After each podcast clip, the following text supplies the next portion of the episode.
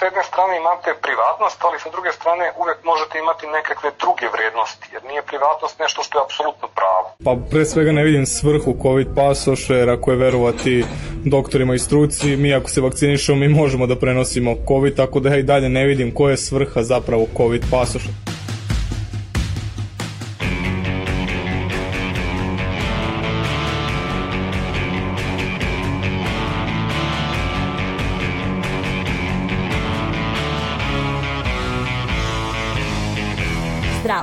Slušate podcast Reaguj, nezavisnog društva novinara Vojvodine.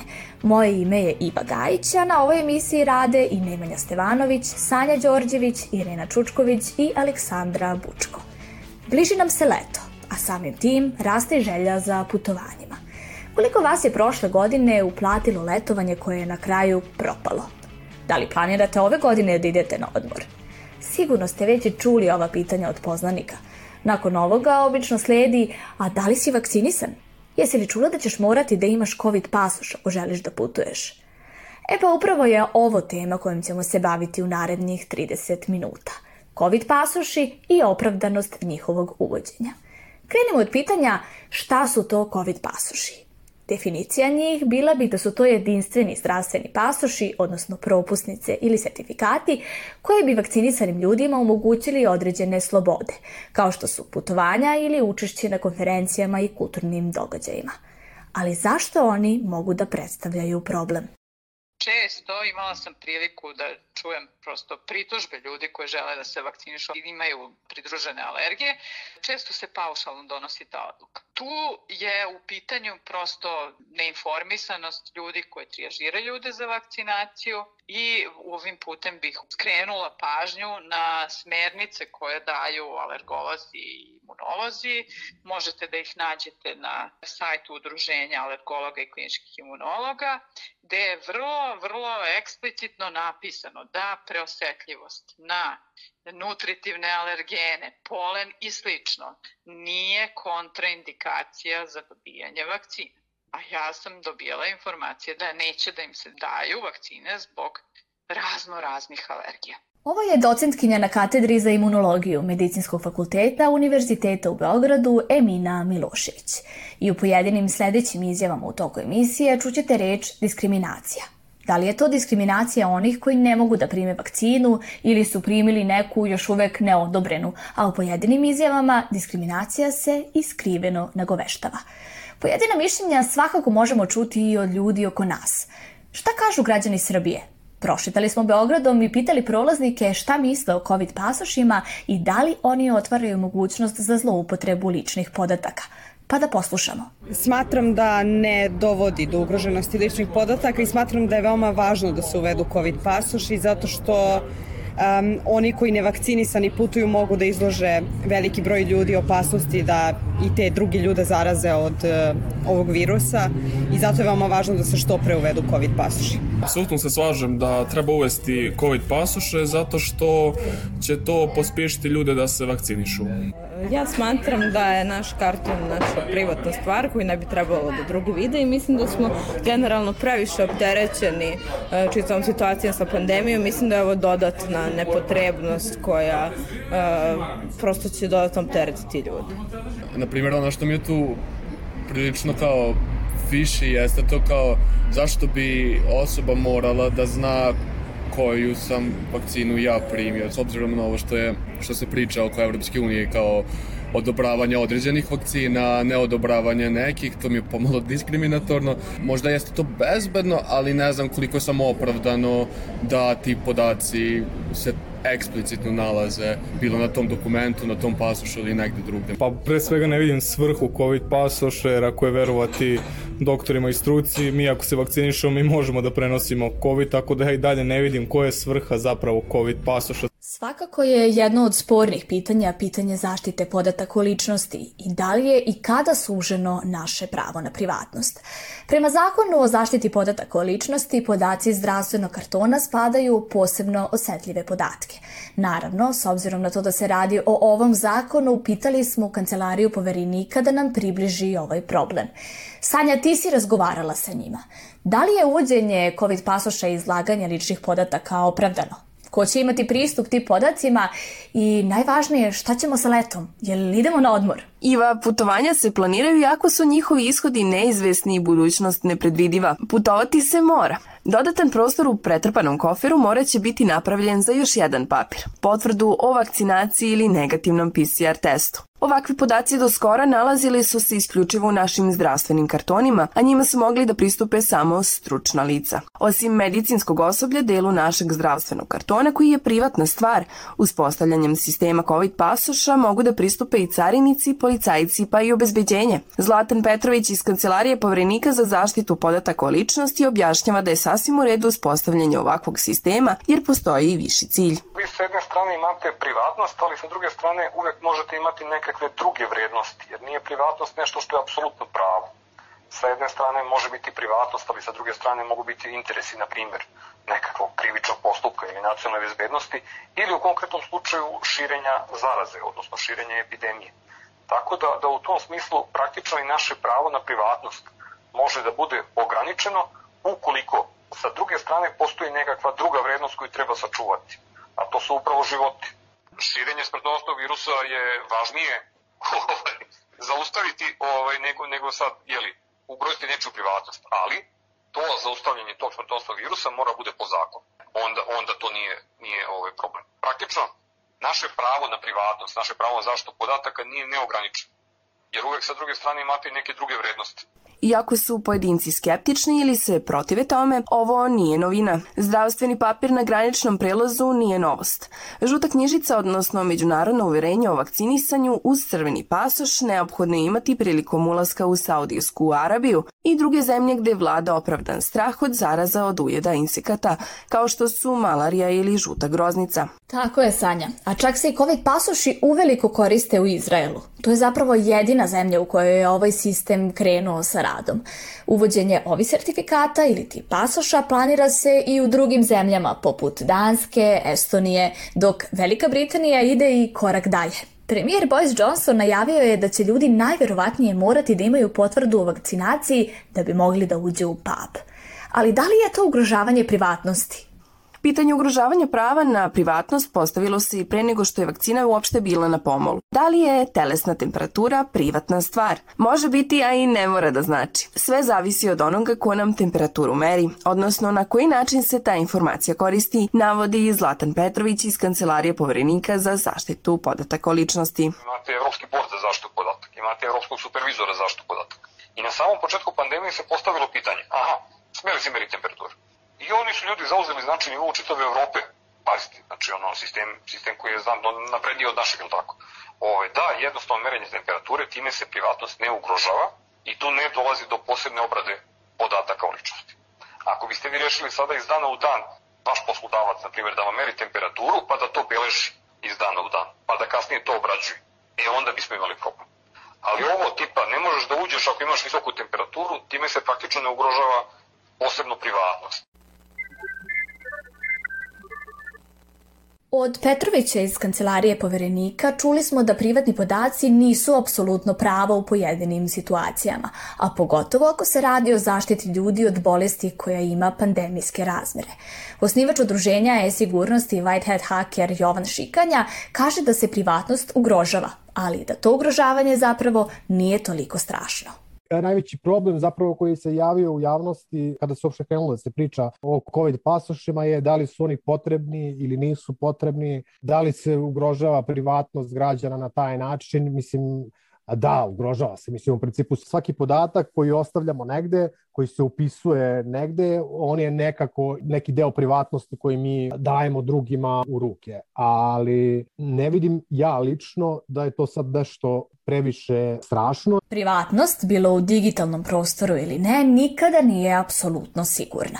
Ovu tezu objašnjava šikanja za podcast Reaguj. Zbog toga postojanje COVID pasoša pod njegovom mišljenju jeste opravdano. Moramo da imamo u vidu da u bilo kom aspektu našeg postojanja apsolutna sigurnost ne postoji kao što ne postoji apsolutna sigurnost podataka dok se nalaze u nekakvom papirnom obliku negde na nečijem stolu, u nečijem registratoru, u nekom državnom organu i ne samo kada su u pitanju državni organi, nego generalno svi ljudi koji rade sa nekakvim podacima, moramo da znamo da postoji mogućnost verovatnoća manja ili veća da dođe do kompromitacije istih kao i u ostalim sferama društva i postojanja. Ono što je rad na sigurnosti je zapravo smanjivanje verovatnoće da dođe do nekakvog data briča. Iako se nadamo da do curenja podataka neće doći, često ljudski faktor može dovesti do toga. Jovan Šikanja kao primjer navodi nedavnu vest o zloupotrebi položaja zarad unošenja netačnih podataka. Evo imali smo vest da je na Beogradskom sajmu gde se vrši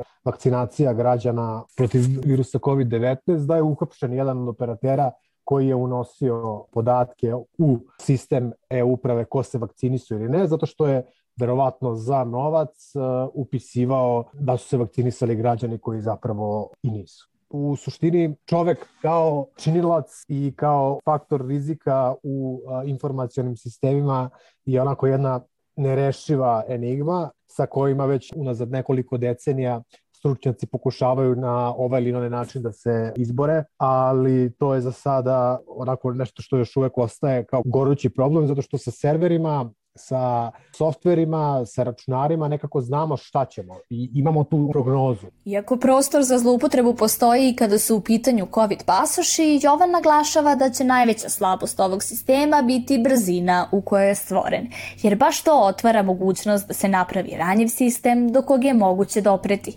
pričovati i preuzeti dostupne podatke. Jednostavno uvek postoji mogućnost za zloupotrebu, a sad da li će zloupotreba doći od strane ovog ljudskog faktora ili će doći zbog toga što sami sistemi i servisi koji su napravljeni za generisanje i unos podataka nisu dovoljno bezbedni, to je pitanje.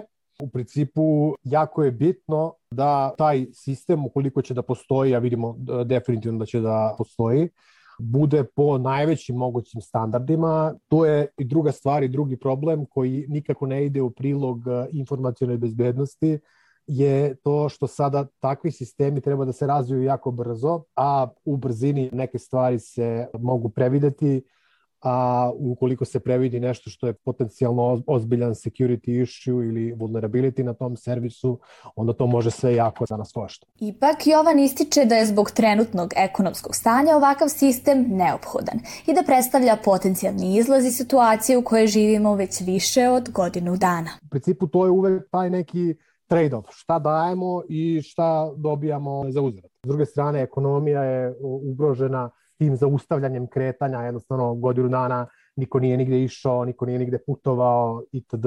Ljudi su već na ivici živaca, što bi se reklo, ono kao dajte kao da se više ovaj, završi. Ovako nešto potencijalno može da dovede do toga da možemo određeni broj nas da se kreće na određeni način, a da to ne rezultira na kraju nečijom smrću. To je cijela poenta. Ispostavlja se da su COVID pasoši jednačina sa mnogo nepoznati. Velika se rasprava vodi na nivou Evropske unije i širom sveta u uvođenju nekakvih digitalnih potvrda kojim biste potvrdili da ste vakcinisani, to je drugim rečima da niste nosilac virusa. Sve to u kontekstu sprečavanja zaraze. Upravo podatak o tome da li ste vakcinisani ili niste, znači nekakav podatak o tome da vam je pružena nekakva zdravstvena usluga, znači to je nekakav podatak opet o vašem zdravstvenom stanju. U principu, što se naše zemlje tiče, mi još uvek nemamo ovaj uveden sistem tih, nazovi, COVID pasoša i uvođenje takvih nekakvih digitalnih potvrda bi podrazumevalo normativno uređenje od strane države. To znači da država propiše ko izdaje takve potvrde, u koje svrhe se koriste, koji podaci se tom prilikom evidentiraju, kome se pružaju na uvid i tako dalje.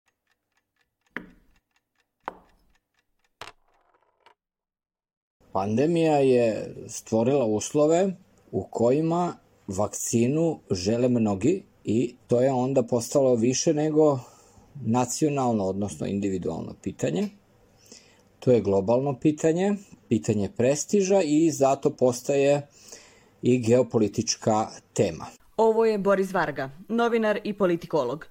Njega smo uključili u priču jer su vakcine od početka zapravo i igra moći. Ko će odobriti koju vakcinu, koja država će nabaviti kog proizvođača, da li Srbija sedi na dve, čak i tri stolice kada su u pitanju vakcine i zbog čega, ali i kako to da se Srbija odjedanput nametnula kao lider iz regiona što se tiče vakcina.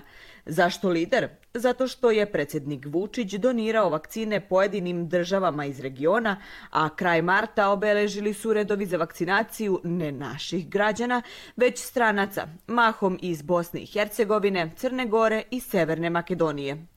Dok jedni kažu da je to zbog toga da bi se ispravila nacionalistička slika stranke koja je na vlasti, Drugi kažu da je to zato što je zainteresovanost za vakcinaciju u Srbiji premala u odnosu na broj nabavljenih vakcina.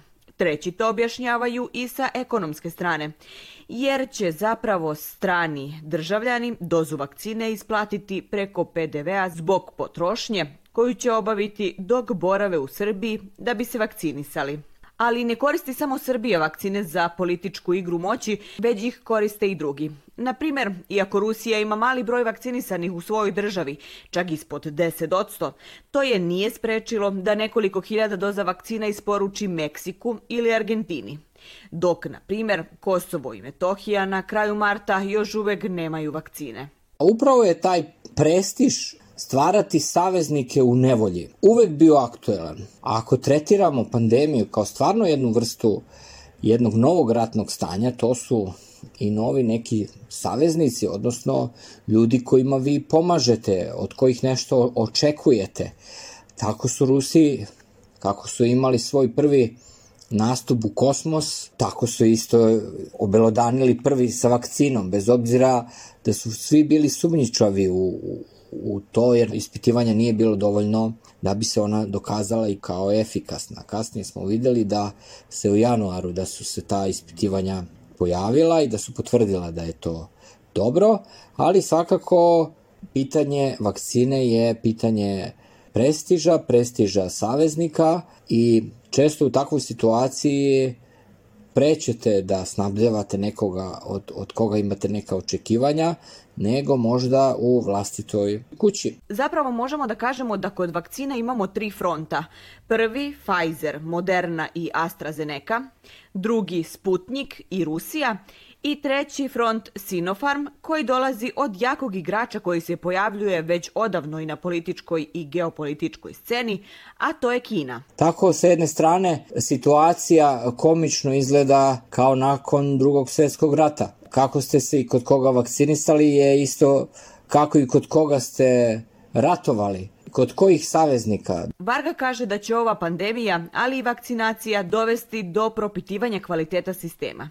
Koliko su zapravo efikasni sistemi i koliko je efikasan režim demokratije gde se procedure ponekad razvlače, dok u jednim autoritativnim sistemima kao što su Rusija i Kina sve ide mnogo brže. On to objašnjava na primjeru Kine, koja je bila mnogo efikasnije kada je u pitanju suzbijanje epidemije i vakcinisanje, a bila je efikasnija i u pružanju pomoći drugim državama, dok se Evropska unija sa svojim članicama nije snalazila dobro ni na početku epidemije, ni vakcinacije. Mi sada imamo jednu stvarno komplikovanu situaciju jedne Evropske unije koja prolazi sve vreme dve decenije političke, ekonomske krize, a sada vidimo imaju krizu i sa vakcinama, nemaju dovoljno. Opet vakcina kao što je ruska Sputnik je predmet trenutno ispitivanja, medicinskog, stručnog, ali predmet i političkog ispitivanja, jer smo videli da je cela jugoistočna Evropa od e, Slovačke, Poljske, preko Mađarske, Austrije, Italije pa do San Marina pokazala se kao nelojalna politici evropskim propisima i e, pojedini su već naručili, neki su već i vakcinisali, uradili su to na svoju ruku, smatrajući da Evropska unija nije dovoljno brza i efikasna u svemu tome. Evropska unija je izdala saopštenje da neće sve vakcine biti prepoznate u COVID pasošima. Odnosno, kretanje bez PCR testova ili izolacije moći će da praktikuju osobe koje su primile neke od priznatih vakcina, kao što su to Pfizer, Moderna i AstraZeneca, dok ljudi koji su primili takozvanu rusku ili kinesku vakcinu za sada, dok ih ne odobre, moraće ili plaćati testove ili sedeti u izolaciji. Meni je to ličilo na neku vrstu diskriminacije, jer sam se setila kako smo u 44. epizodi podcasta Doza vakcinacije i demokratije sa lekarom i pulmologom Srđanom Lukićem razgovarali o tome da je ipak bolja ikakva vakcina nego nikakva. Varga kaže da je problem složeniji, jer je u pitanju nepoverenje i u kvalitet vakcina i u proces sprovođenja vakcinacije, a to jeste dovodi i do diskriminacije. Posle epidemije i posle neke, ajde da kažem, kontrole, koliko toliko te pandemije u odnosu barem na prošlu godinu, mi ćemo imati jedan niz raznih diskriminacija, imat ćemo niz raznih prepreka, slobode kretanja, i svakako imat ćemo i onih koji su bolje i koji su lošije prošli sa tom vakcinom. To je jedna nepoznanica šta nas sve očekuje kada je u pitanju sloboda i kretanja, ali i, i tog, tog zdravstvenog stanja. Što se tiče financija, sigurno da nas očekuju finansijske i ekonomske krize, treba se spremiti da će biti posledice covid i zatvaranja lockdownova dugogodišnje. Kada pričamo o vakcinaciji, bilo da pričamo o podacima, privatnosti, političkoj igri, moramo da pričamo zapravo i o zdravlju, jer vakcine nastaju prvenstveno zbog toga. Kako će se na granicama proveravati da li je neko vakcinisan, još uvek se ne zna, a zdravstvenim radnicima to nije trenutno u fokusu. Emina Milošević, docentkinja na katedri za imunologiju Medicinskog fakulteta u Beogradu, navodi da se efikasnost svih vakcina koje su odobrene u Srbiji zna – od 70 do 95%. Međutim, bitna je i efektivnost, kakva je njihova delotvornost u realnom životu. Znači, efikasnost se utvrđuje u fazi ispitivanja, dok je efektivnost delotvornost vakcine u realnom životu. Za sada samo za Pfizer vakcinu postoji potvrda njene efektivnosti. To je zbog toga što se efektivnost u realnom životu može još uvek videti samo na primjeru Izrela, jer je tamo veliki broj vakcinisanih, a samo Pfizer je zastupljen u toj državi. U Izraelu je potvrđena efikasnost efektivnost vakcine bila vrlo bliska tih 95%, znači u realnom životu ona je efikasna 94% kada se kao ishod gleda simptomatska COVID infekcija.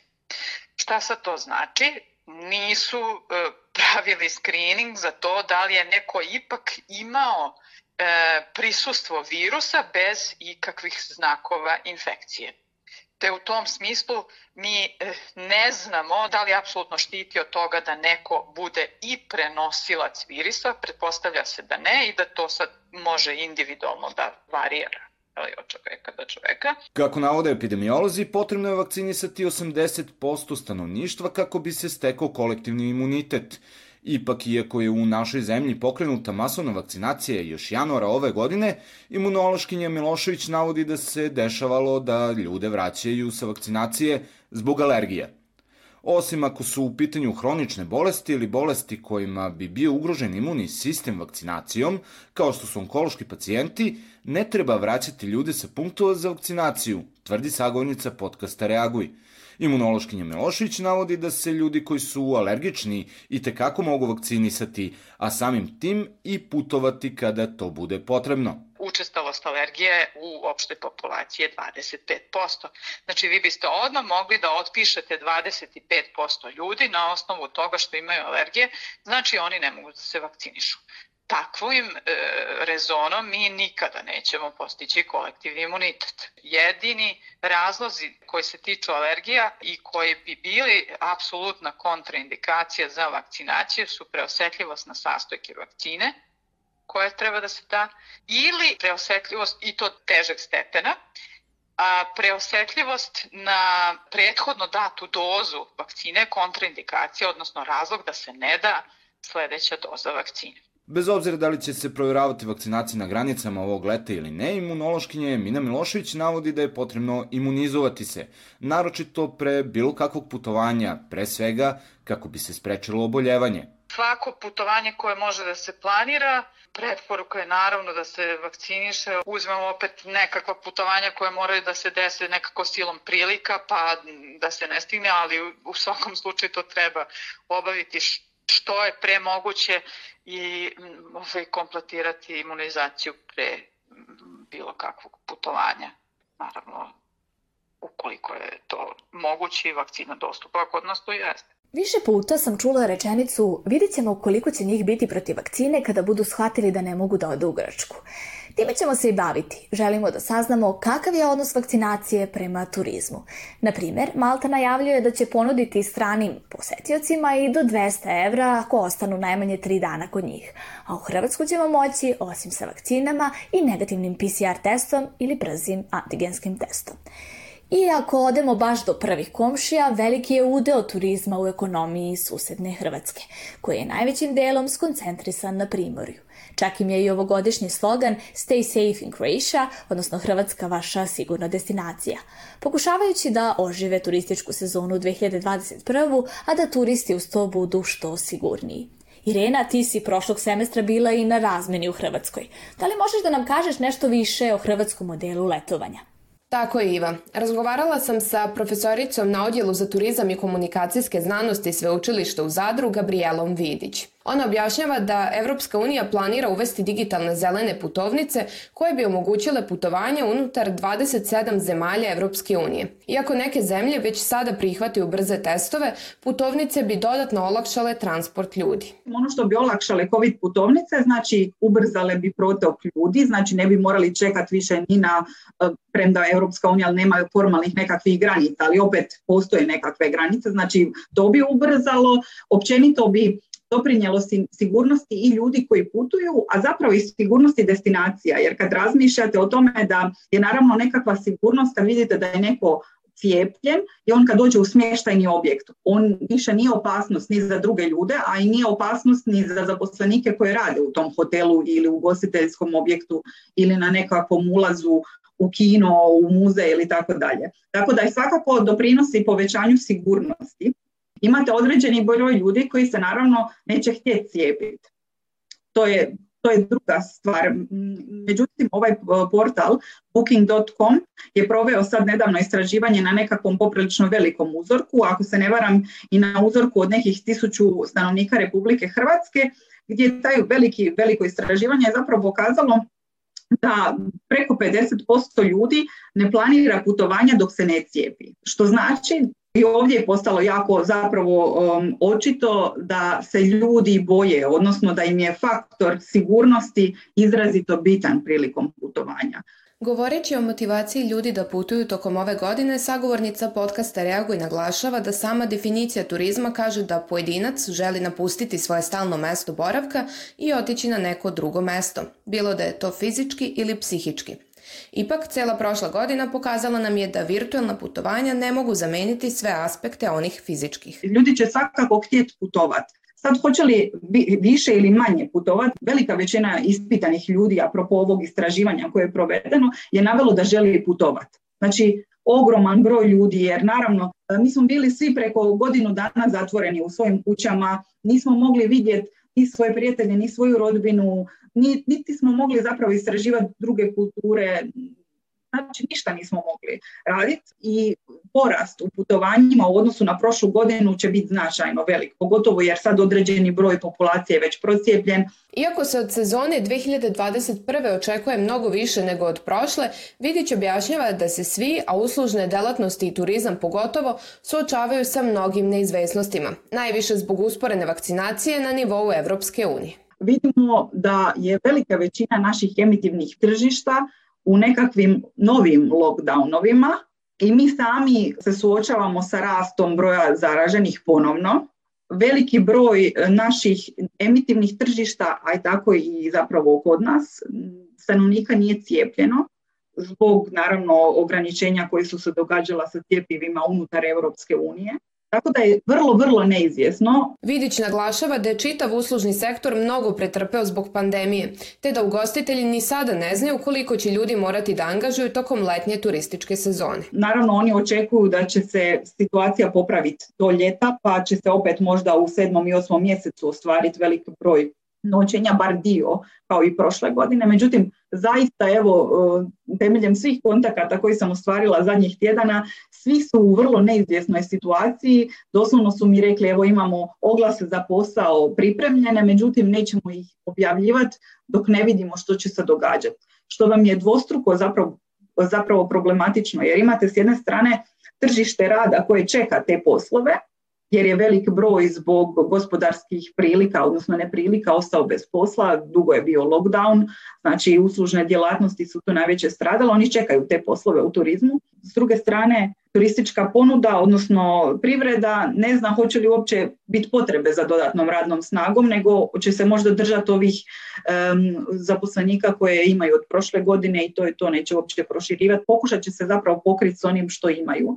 Gabriela Vidić je u jednom momentu sumirala potrebu ljudi za putovanje, da se izmestimo fizički i psihički iz naše svakodnevice. Ona objašnjava i da putujemo zato što želimo da upoznajemo druge kulture, da saznamo kako se ljudi tamo ponašaju, da upoznamo njihovu materijalnu i nematerijalnu baštinu i to nas obogaćuje. To je smisao putovanja. Zapravo to su sve razlozi zbog kojih će ljudi putovati čim im se stvore uslovi za to. Slažem se sa njom i mislim da bih ovu 46. epizodu podcast serijala Reagu i nezavisnog društva novinara Vojvodine mogli da završimo upravo stvaranjem uslova za putovanja. U ovom izdanju govorili smo o COVID pasušima, njihovim prednostima i manama. Slušamo se ponovo uskoro, a do tada ne zaboravite da čekamo na vas. Možete nas pratiti na društvenim mrežama, Facebooku, Twitteru, Instagramu i TikToku, a mi čekamo vaše komentare i predloge tema. I to na adresi podcast.ndnv.org.